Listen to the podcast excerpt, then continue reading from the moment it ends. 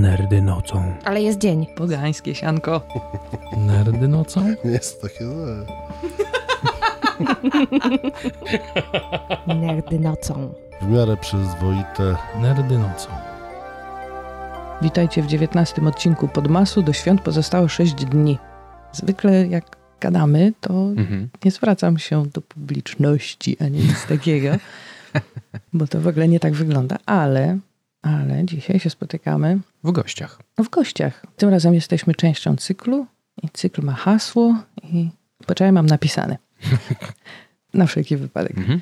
Podmas to podcastowe audycje na święta i w zeszłym roku też byliśmy Mhm. i naszych opowieści świątecznych można posłuchać w podcaście Razem Lepiej. Mieliśmy wtedy nagrać kilka krótkich odpowiedzi na kilka naprawdę Tak. bardzo krótkich świątecznych pytań i gadaliśmy przez godzinę, Chyba godzinę z ogonkiem, tak. Więc w tym roku też jest gościnnie, ale gościnnie jest w tym sensie, że gościnnie to jest hashtag polski podmas, ale publikujemy każdą siebie i w ogóle tak, w tym roku jest ponad 20 podcastów, jest taki jakby kalendarz adwentowy podcastowy. Codziennie ktoś wypuszcza jeden mini odcinek u siebie, aż do Wigilii.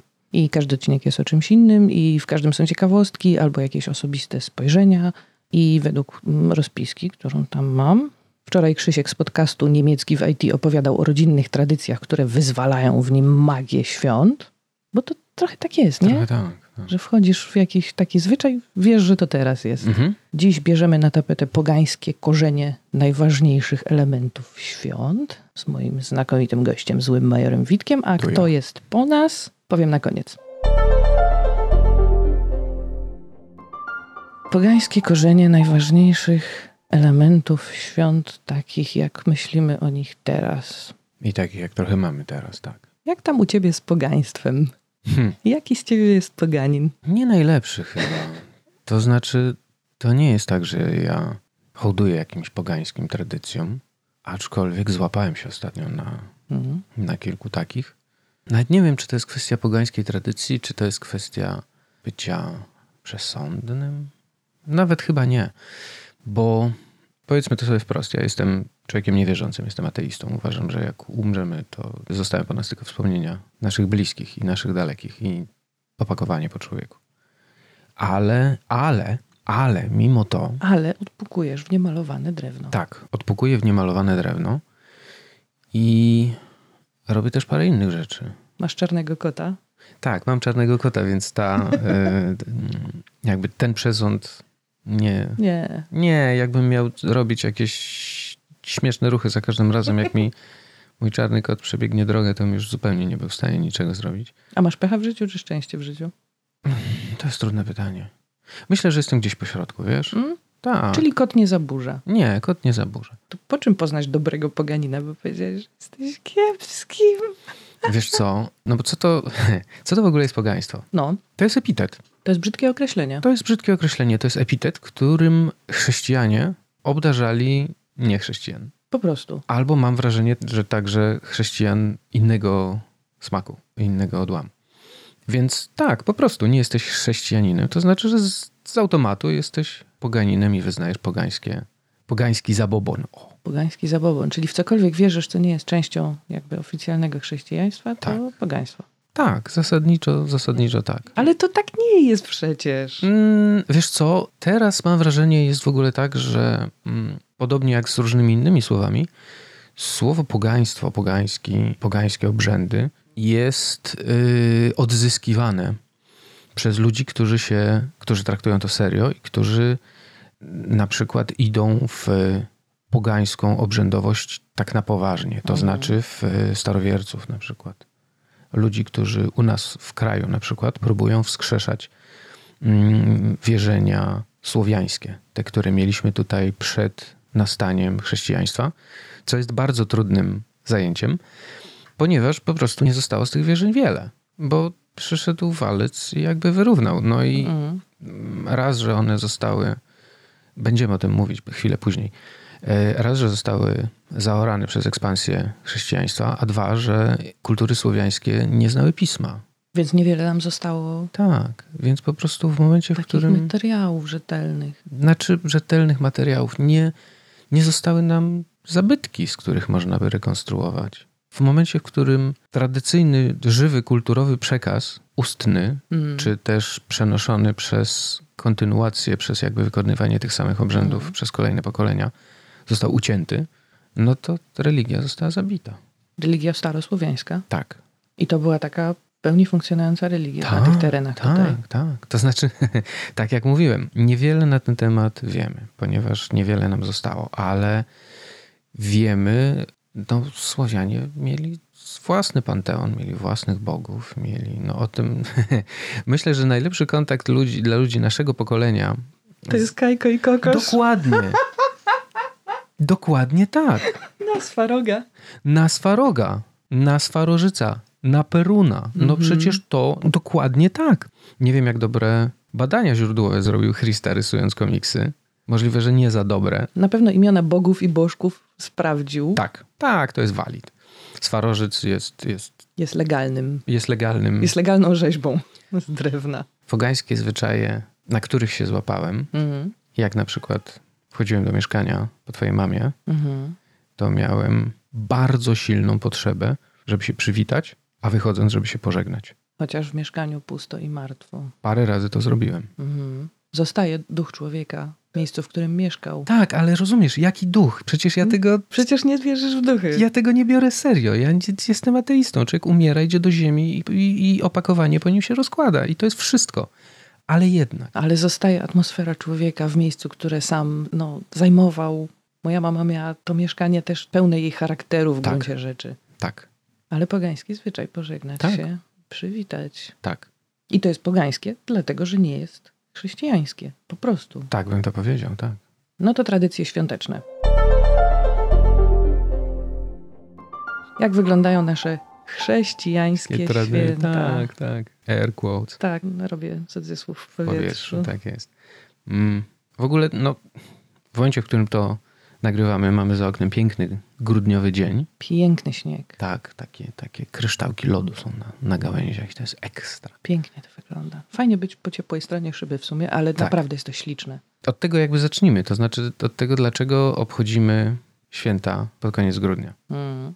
Zakładając, że w ogóle Jezus chodził faktycznie po ziemi, co jest, to jest osobna puszka Pandory, której nie będziemy otwierać dzisiaj. Mhm. Są wzmianki o nim w pismach mniej więcej współczesnych jemu, Mhm. ale jak to zwykle bywa w takich sytuacjach, za każdym razem, kiedy mamy do czynienia z osobą, która jest taka politycznie i, i religijnie wrażliwa, mm, nie do końca wiadomo, czy te wzmianki nie były po prostu dodane później. Nie wiadomo też, czy te wzmianki nie były sformułowane w ten czy w inny sposób po to, żeby osiągnąć taki czy inny cel propagandowy, no Tak. jakby to na- Tak, nazwać inaczej. Tak, tak, dokładnie.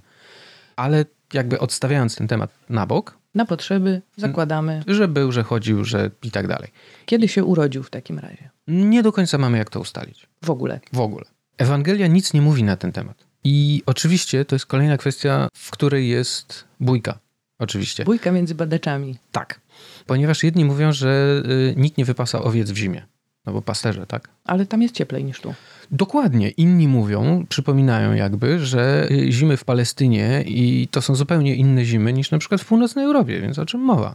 A do tego jeszcze akurat ten gatunek owiec, który tam był i nadal jest częsty, ma młode, to się nazywa wykaca się, jak się dowiedziałem, mm, najczęściej w styczniu.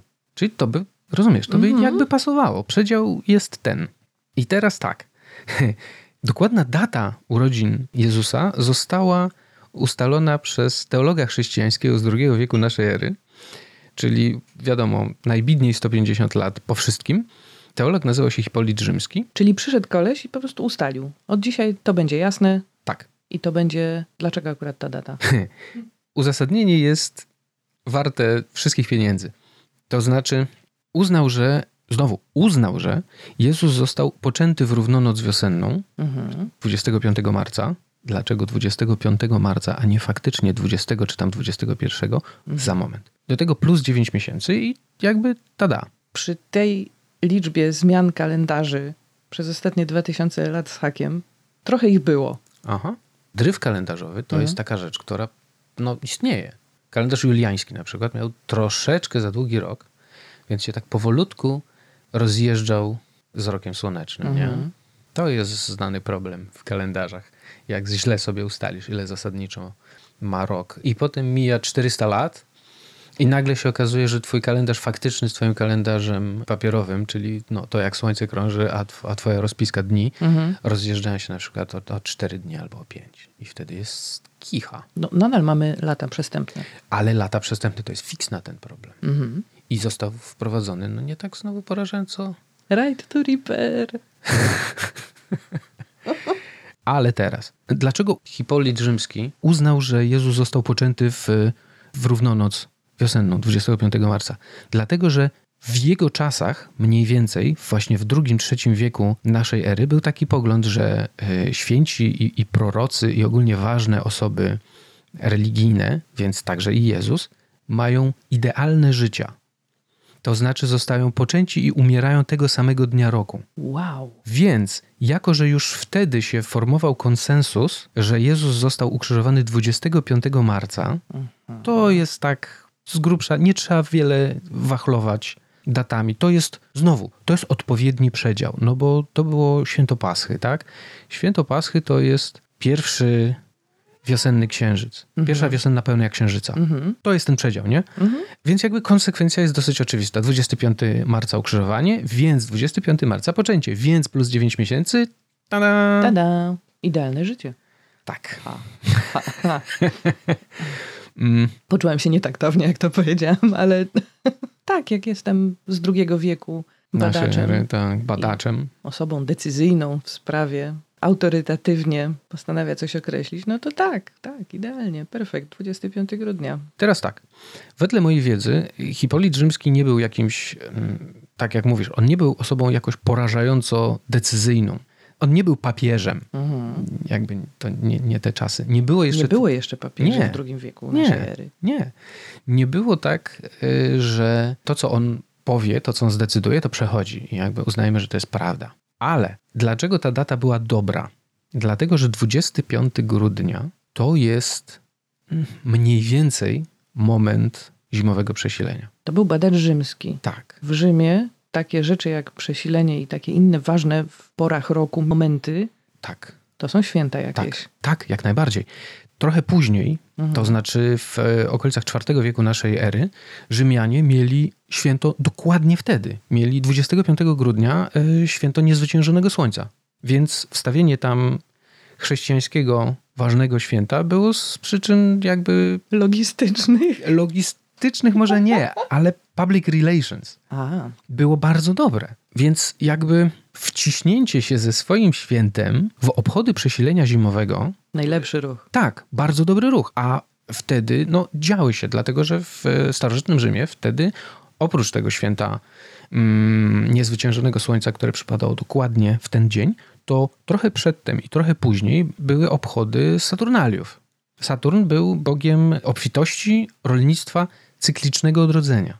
Perfekt. Perfekt. I Saturnalia jakby były jednym z takich rzymskich świąt, które były przymitowane do cyklu słonecznego. Mhm. I to jest tak, że jak to dobrze powiedzieć? Jak masz jakąś religię i jak nie mieszkasz na okrągło przez cały rok w jaskini, bo tak się nie da żyć, tylko od czasu do czasu wychodzisz na powietrze i patrzysz Na niebo. na niebo tak, to widzisz w pewnym momencie, w sensie ty jako twoja kultura, nie? Mhm. Widzisz cykl słoneczny, widzisz kalendarz słoneczny, widzisz jak rok działa, zauważasz te momenty, ważne momenty z punktu widzenia kalendarza słonecznego, zauważasz równonoce, zauważasz przesilenia. I u nas na półkuli północnej przesilenie zimowe to jest bardzo dobry moment, żeby sobie zrobić święto. Dlatego, że to jest ten moment, w którym z jednej strony zaczynasz nabierać nadziei, że ta zima jednak się skończy, ponieważ dnia zaczyna znów przybywać, Mhm. a z drugiej strony masz nadzieję, że twoje zapasy wystarczą Jeszcze? jeszcze trochę i jakby nie umrzemy z głodu wszyscy przed następnymi zbiorami, jak się coś... Spieszmy się razem, podzielmy się jedzeniem. Tak, popchnijmy trochę, popchnijmy to słońce, żeby dnia faktycznie zaczęło przybywać. Pomóżmy mu w tym. W zeszłym roku się tak udało, to w tym roku też tak Tak, zróbmy. tak. Zobacz, że taki to jest pomysł, który jest potwornie stary. Pomaganie ludzi w zjawiskach kosmicznych. W Egipcie tak było. W Sumerze tak było.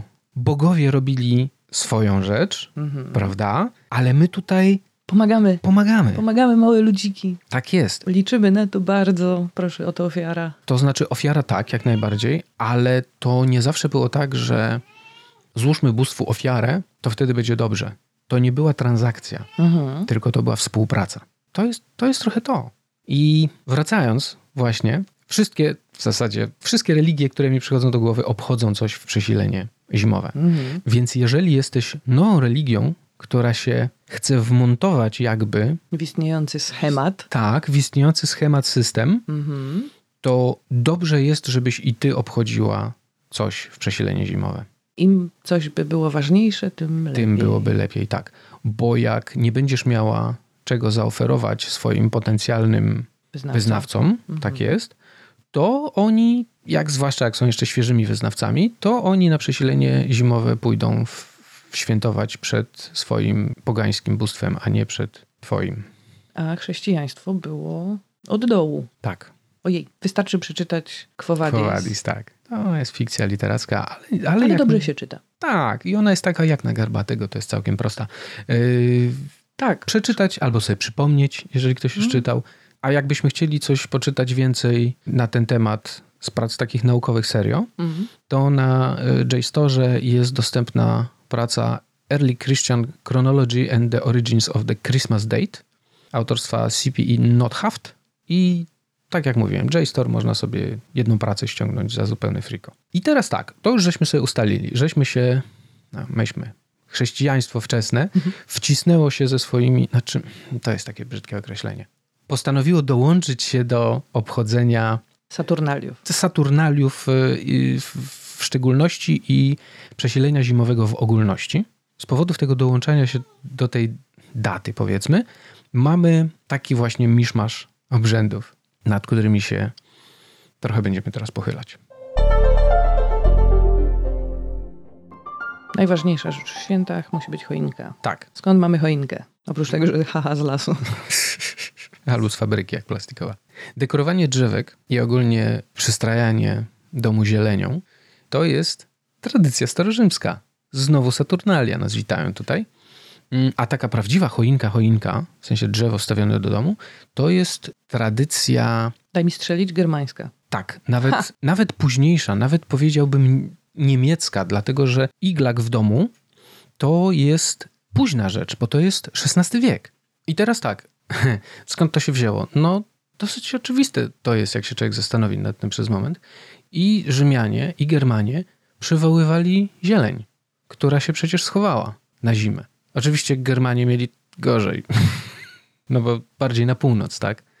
Rzymska zima, no to nie taka zima jak zima północnych Niemiec, powiedzmy. Północna półkula. Mamy wszystko białe, szare i burę. Mhm. A jak zieleń w zimie, to iglak.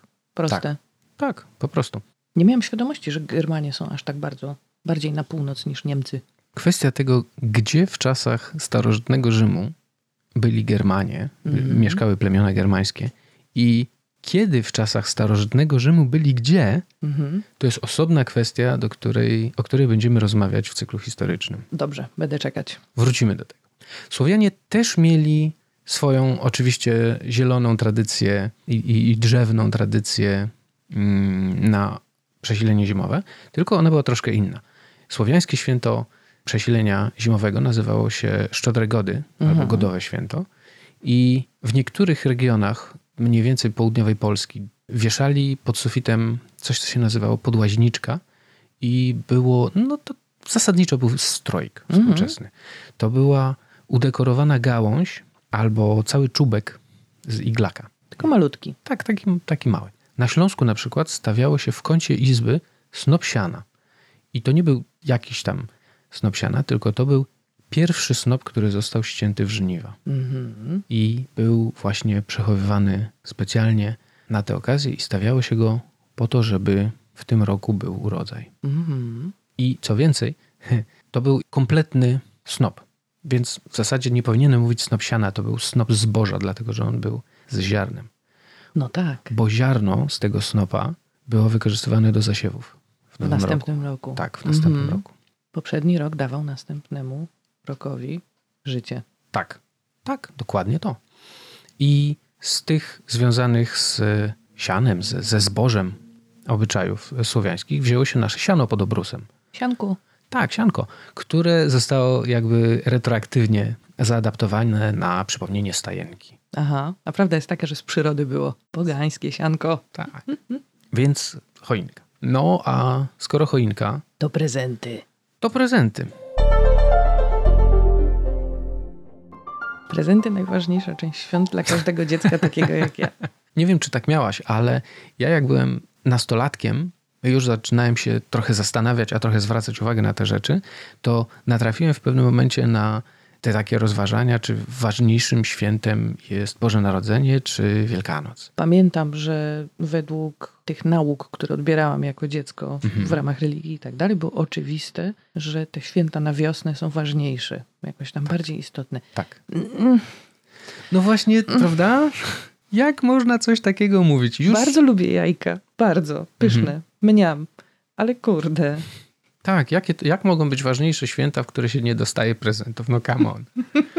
Więc to znaczy oczywiście ma to swoje uzasadnienie z punktu widzenia chrześcijańskiej teologii, Mhm. ale nie będziemy się w to wgłębiać, ponieważ nie o tym dzisiaj Nie rozmawiamy. o tym dzisiaj, Tak tradycje świąteczne. No więc wracając. Prezenty. Mhm. Prezenty są tradycją starorzymską. Aha, Tak jest. Ponieważ w czasie Saturnaliów, a szczególnie w takie święto, które się nazywało Sigillaria i wypadało 23 grudnia, mhm. obdarowywano się w starożytnym Rzymie wzajemnie. Różnymi rzeczami. Figurkami postaci mitycznych, drobiazgami różnymi, ale też przedmiotami codziennego użytku, albo wręcz niewolnikami. Wiemy o tej tradycji dużo, ponieważ w pierwszym wieku naszej ery żył sobie taki poeta, który się nazywał Marcialis i on o tym szeroko pisał. I z jego poezji mamy całe listy tych, tych podarków, tych prezentów. I mamy też od niego taką sugestię, że im podarunek jest tańszy i dzisiaj byśmy powiedzieli bardziej odpustowy, tym większa jest zażyłość między prezentodawcą a prezentobiorcą. Mam poczucie, że obciachowe prezenty to dają sobie ludzie, którzy, no wiesz, nie są biedni. Jak jesteśmy wszyscy biedni, to dajemy sobie takie prezenty, które będą bardziej praktyczne. Mhm, coś w tym jest. No, z drugiej strony, oczywiście, że tak, głupie prezenty sobie dać, to wiadomo, że się lubimy, tak? Że to, Mhm. to nie jest lekceważenie ani, ani Mhm. nic takiego, tylko to jest taki wspólny żart, w Tak. którym jesteśmy razem Tak. trochę. Bo jak jakby no znasz kogoś, Znasz kogoś na tyle. Tak, znasz kogoś na tyle, że możesz sobie pozwolić na coś takiego, a nawet jak będzie jakaś niezręczność czy coś tam, to po prostu siądziecie sobie potem przy piwku, wyjaśnicie i no hard feelings. Mm. A z ludźmi, których znasz nie za bardzo, to jednak Są pewne konwencje. tak, konwencję takiego bezpiecznego prezentu, Tak. że mamy to dzisiaj. Tak, mamy, mamy bezpieczne prezenty. Skarpetki. Skarpetki są super. I jeszcze widziałam przez ostatnie lata, że te takie patyczki, które ładnie pachną, sprzedają się takie buteleczki, w których są takie patyczki i jak to się otworzy, to to ładnie pachnie. Jest to Mhm. ładna rzecz, stawia się w łazience, ładnie Mhm. pachnie, jakby też zostaje na dłużej. Jest to bezpieczny prezent, ponieważ Mhm. nikogo nie obrazi. Ja tylko chciałam powiedzieć, że jak ktoś ma kota, to nie dawajcie mu takiego prezentu. Dostałam to raz i od tego czasu bardzo proszę nie. Co twoje zrobiły? No co, zjadły to oczywiście. No nie wiem, Wylały wszystko, a patyczek był super. Mniam. W ogóle nie wiem czemu pytam. Skarpetki zawsze na czasie. Mam dwa pytania. Mhm. Pierwsze jest takie, jakie były prezenty, które były obciachowe w starożytnym Rzymie? A Hmm. drugie, wiesz, no niewolnicy. Mam tutaj listę właśnie prezentów, które się e, e, wręczało na, na Sigillaria. Figurki postaci mitycznych e, Herkulesa, Minerwy czy, czy Apolla.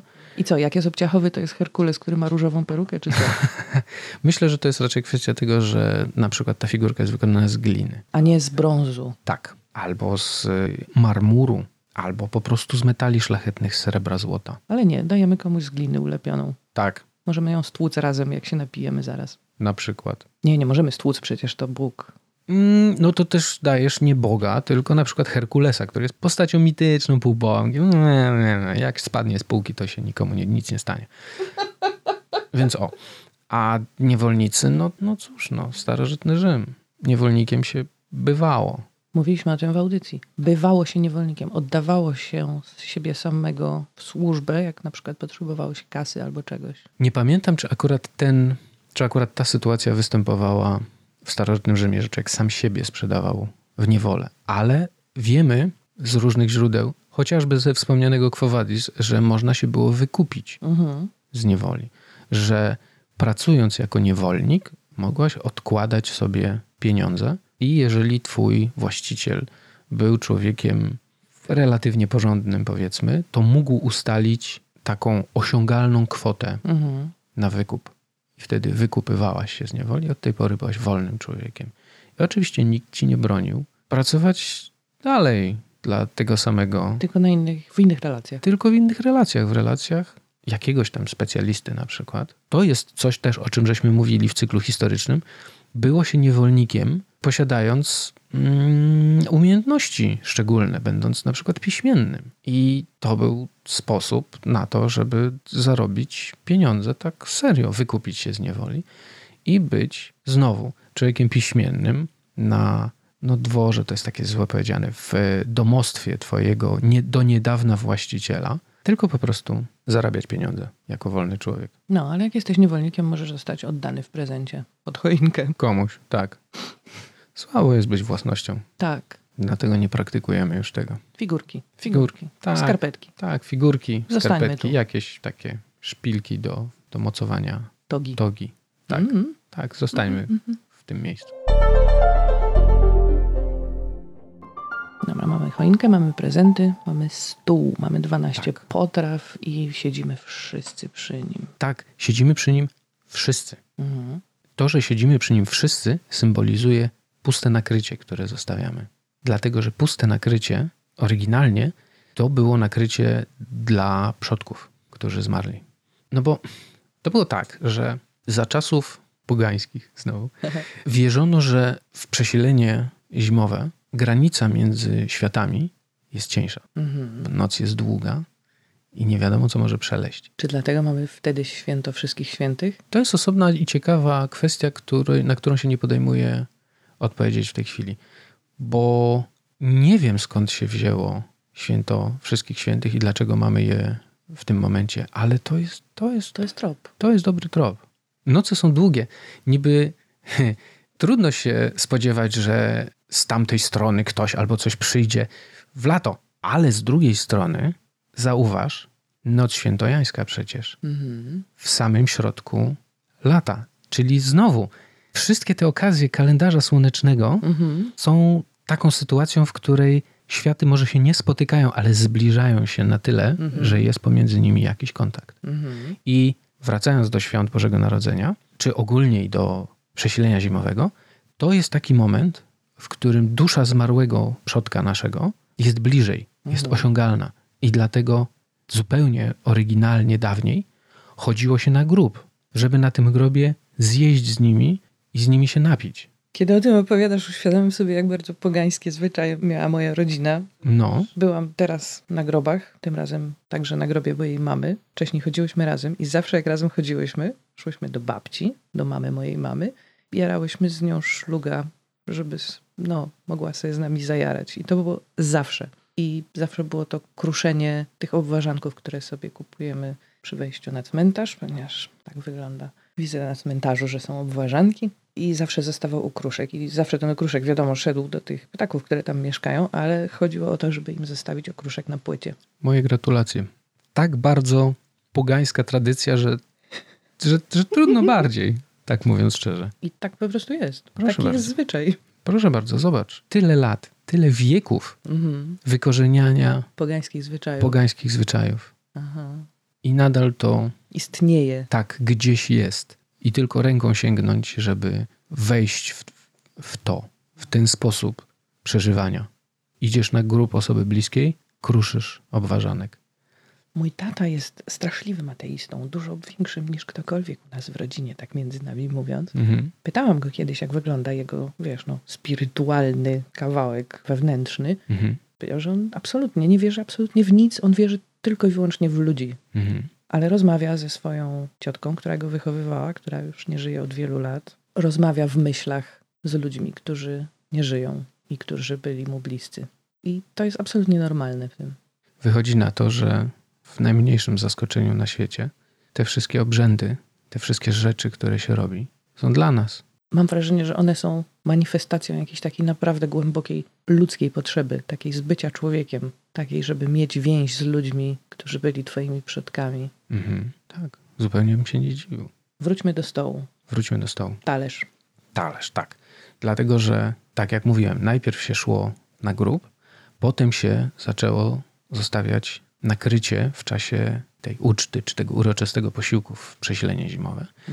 I wtedy była też taka mm, zabawna, znaczy no zabawna, no tradycja była po prostu, że jak się siada przy tym świątecznym stole, przy którym jest to puste nakrycie dla ducha przodka, to zanim się usiądzie, to się dmucha na swoją ławę czy na swoje siedzisko. I dlatego jak do ciebie zadzwoniłam z cmentarza, to powiedziałeś, że zanim usiądę na ławce, żeby zajarać z moją matką, to żebym dmuchnęła na ławeczkę. Tak, żebyś, żebyś nie usiadła przypadkiem na duszy.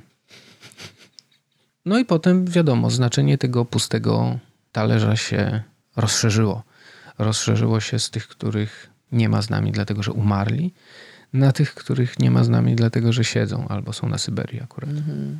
I zaczęliśmy w ten sposób okazywać nie tylko pamięć, ale także nadzieję, Mhm. że w przyszłym roku do nas wrócą. Jakby co talerz na ciebie czeka. Tak, W mojej rodzinie na to puste nakrycie się mówiło, że ono jest dla strudzonego wędrowca. Tak. Dla kogoś, kto niespodziewanie dołączy do stołu.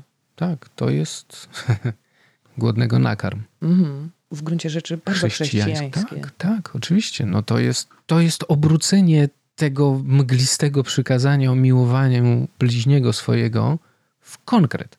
Zapuka głodny i zmarznięty, Nakarm nakarm, go. go. Daj mu się ogrzać przy twoim ogniu. Proste.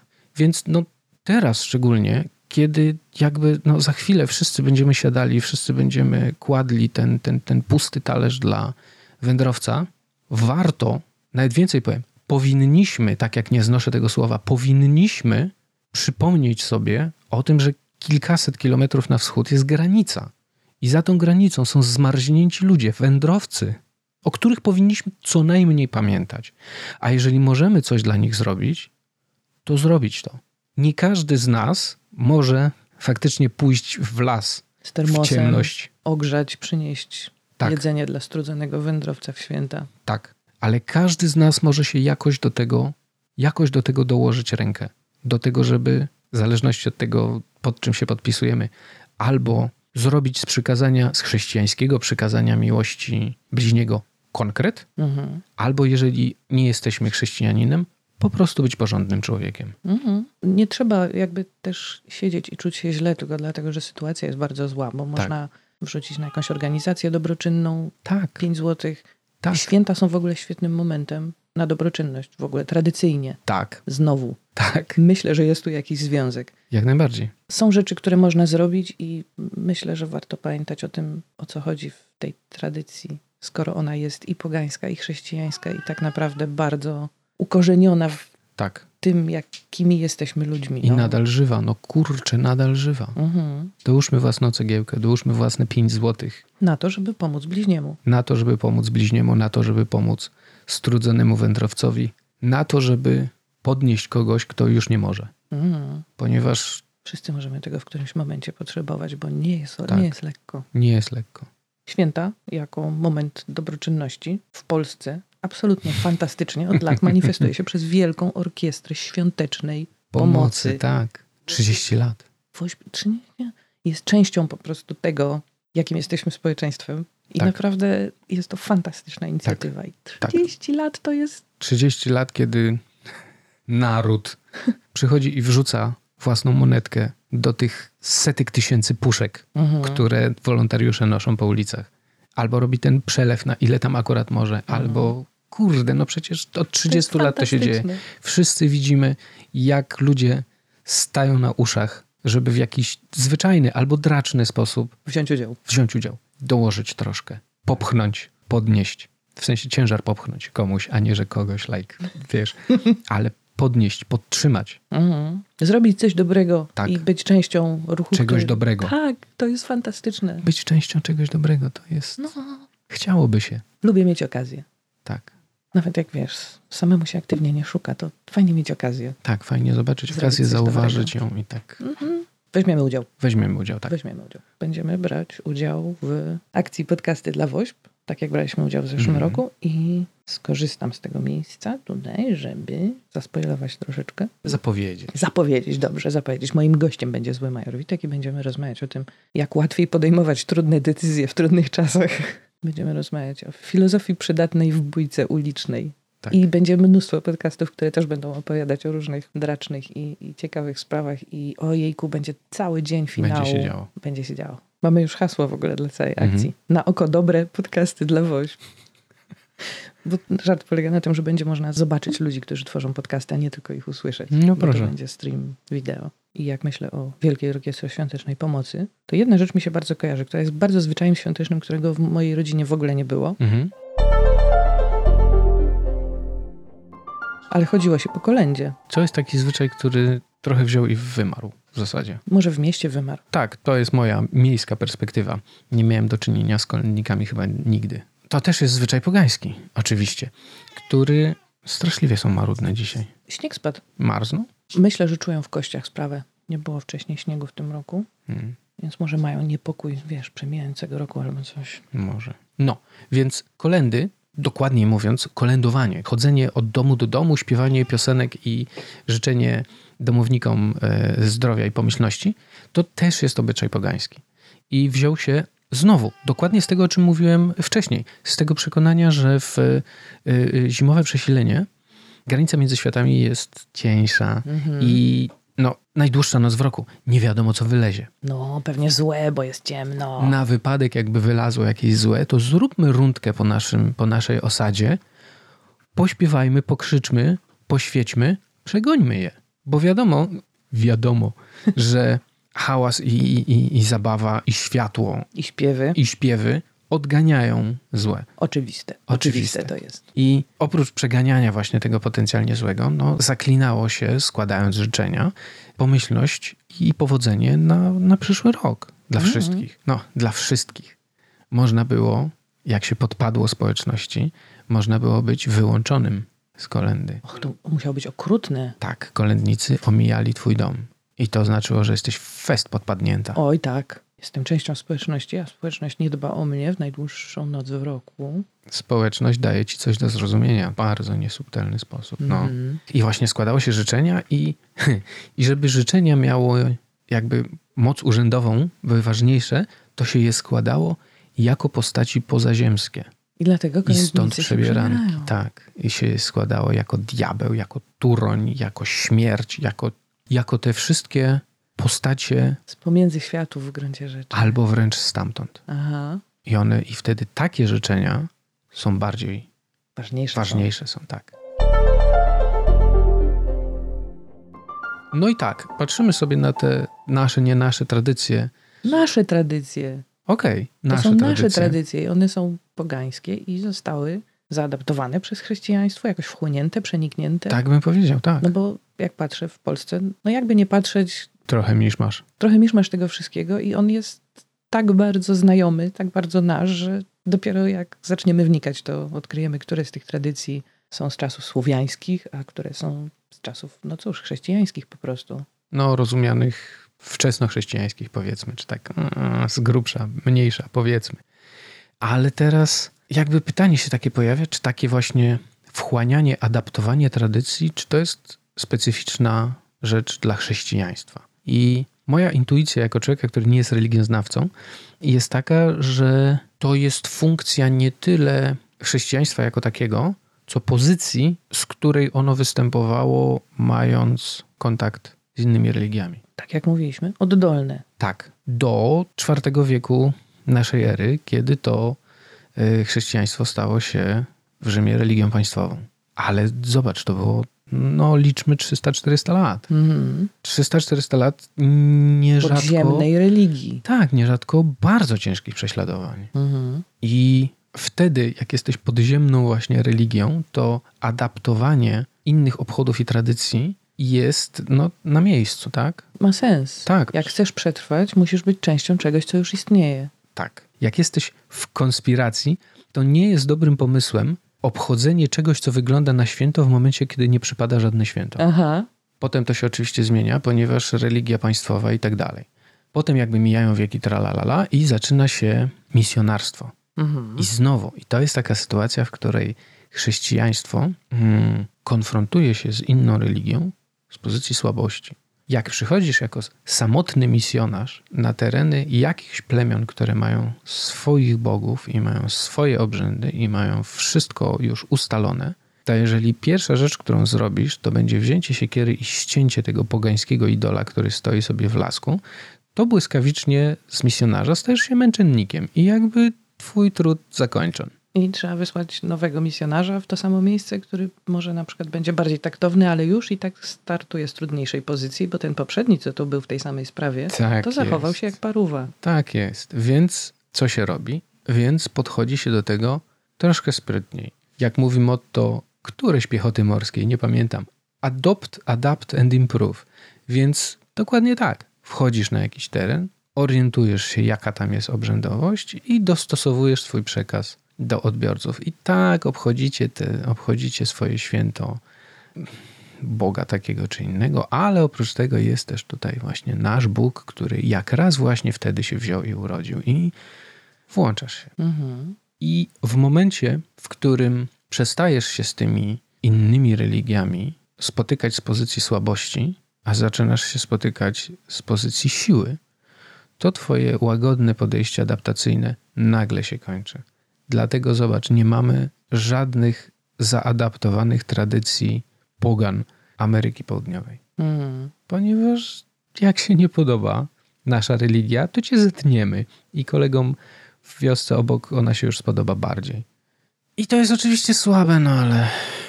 No ale cóż, tak samo nie mamy zaadaptowanych tradycji, nie wiem, islamu albo tradycji herezji chrześcijańskich. O, herezje chrześcijańskie to już w ogóle nie. Nie, nie, nie. To brzmi bardzo ciekawie, czy będziesz o tym mówić w cyklu historycznym. Tak, ale nie prędko. Nie mogę się doczekać. Jak chrześcijaństwo zaczęło być religią dominującą i po prostu spadało na jakieś tereny jak paleta cegieł, Mhm. to często nam nawet nie została dokumentacja tych pogańskich zwyczajów, ponieważ takie były wtedy dla odmiany zwyczaje podbojowe, że się brało na przykład całą literaturę, całe zabytki w gruncie rzeczy, całą kulturę Majów na przykład. I paliło się całe piśmiennictwo w jednej wielkiej stercie. okropne. I nie dlatego mamy, tego. No oczywiście, że tak. No. Sześć chyba kodeksów Majów. Zostało. Tak. Naprawdę, no chrześcijaństwo kiedyś było podziemne, mogłoby pamiętać jak to jest, zachować coś fajnego. No ale dobra. Albo umierasz jako bohater, albo żyjesz dość długo, żeby zobaczyć, jak stajesz się tym złym. No, to wesołych świąt. Wesołych świąt. składanie sobie życzenia wesołych świąt, jakże puste. tak się mówi, prawda? Tak. Wesołych świąt. A, No, wszystkiego dobrego. O, spełnienie marzeń. no w gruncie rzeczy to są dobre życzenia i dobre intencje, ale tak troszeczkę... Wymydliliśmy je tak. Wymydliliśmy je do idealnie okrągłego kształtu. Mhm. Mówisz czasami komuś z wesołych świąt, ale tak serio, jakby baw się Mhm. dobrze, nie? Trzeba dodać jeszcze to, co, jeszcze, Tak, co, co tak. jeszcze wzmocni ten Jakąś komunikat. klasyfikację dodatkową, tak? Tak, że ja tak szczerze, tak Mhm. szczere są te moje życzenia, tylko nie wiem, jak je powiedzieć inaczej. Żeby nie były banalne. Banał też nie jest zły. Banał nie przypadkiem jest banałem. Tak. Ale tak czy inaczej. Wesołych świąt, zdrowia, Zdrowia. bardzo Come on, mamy taki rok, że tak. Zdrowia. zdrowia, szczęścia, bo zupełnie serio szczęście jest potrzebne, żeby przetrwać w zdrowiu. Mhm. No i żebyś miał mało zmartwień, a dużo siły na rzeczy, które masz ochotę robić. O tak. Takie mam dla Ciebie życzenia w tym Bardzo roku. dziękuję. Mhm. Są bardzo dobre. Sama bym je sobie złożyła, one są takie dobre. No więc właśnie kłopot z bardzo dobrymi życzeniami jest takie, że człowiek ma ochotę powiedzieć i nawzajem, ale i to jest znowu... I też szczere to jest, Tak, tylko ale, brak słów. ale tak, dokładnie o to chodzi. Zdrowia, farta, siły i żadnych więcej podkręconych piłek. Tak, tak, już mam dosyć.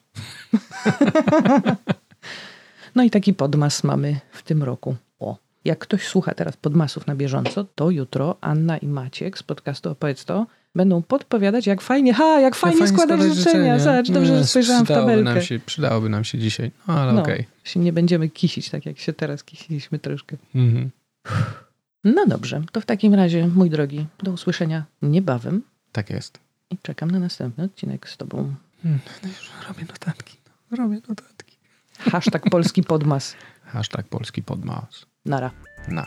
Następny odcinek niebawem. Powiadomienia o nowych odcinkach będą na stronie nerdynocą.pl.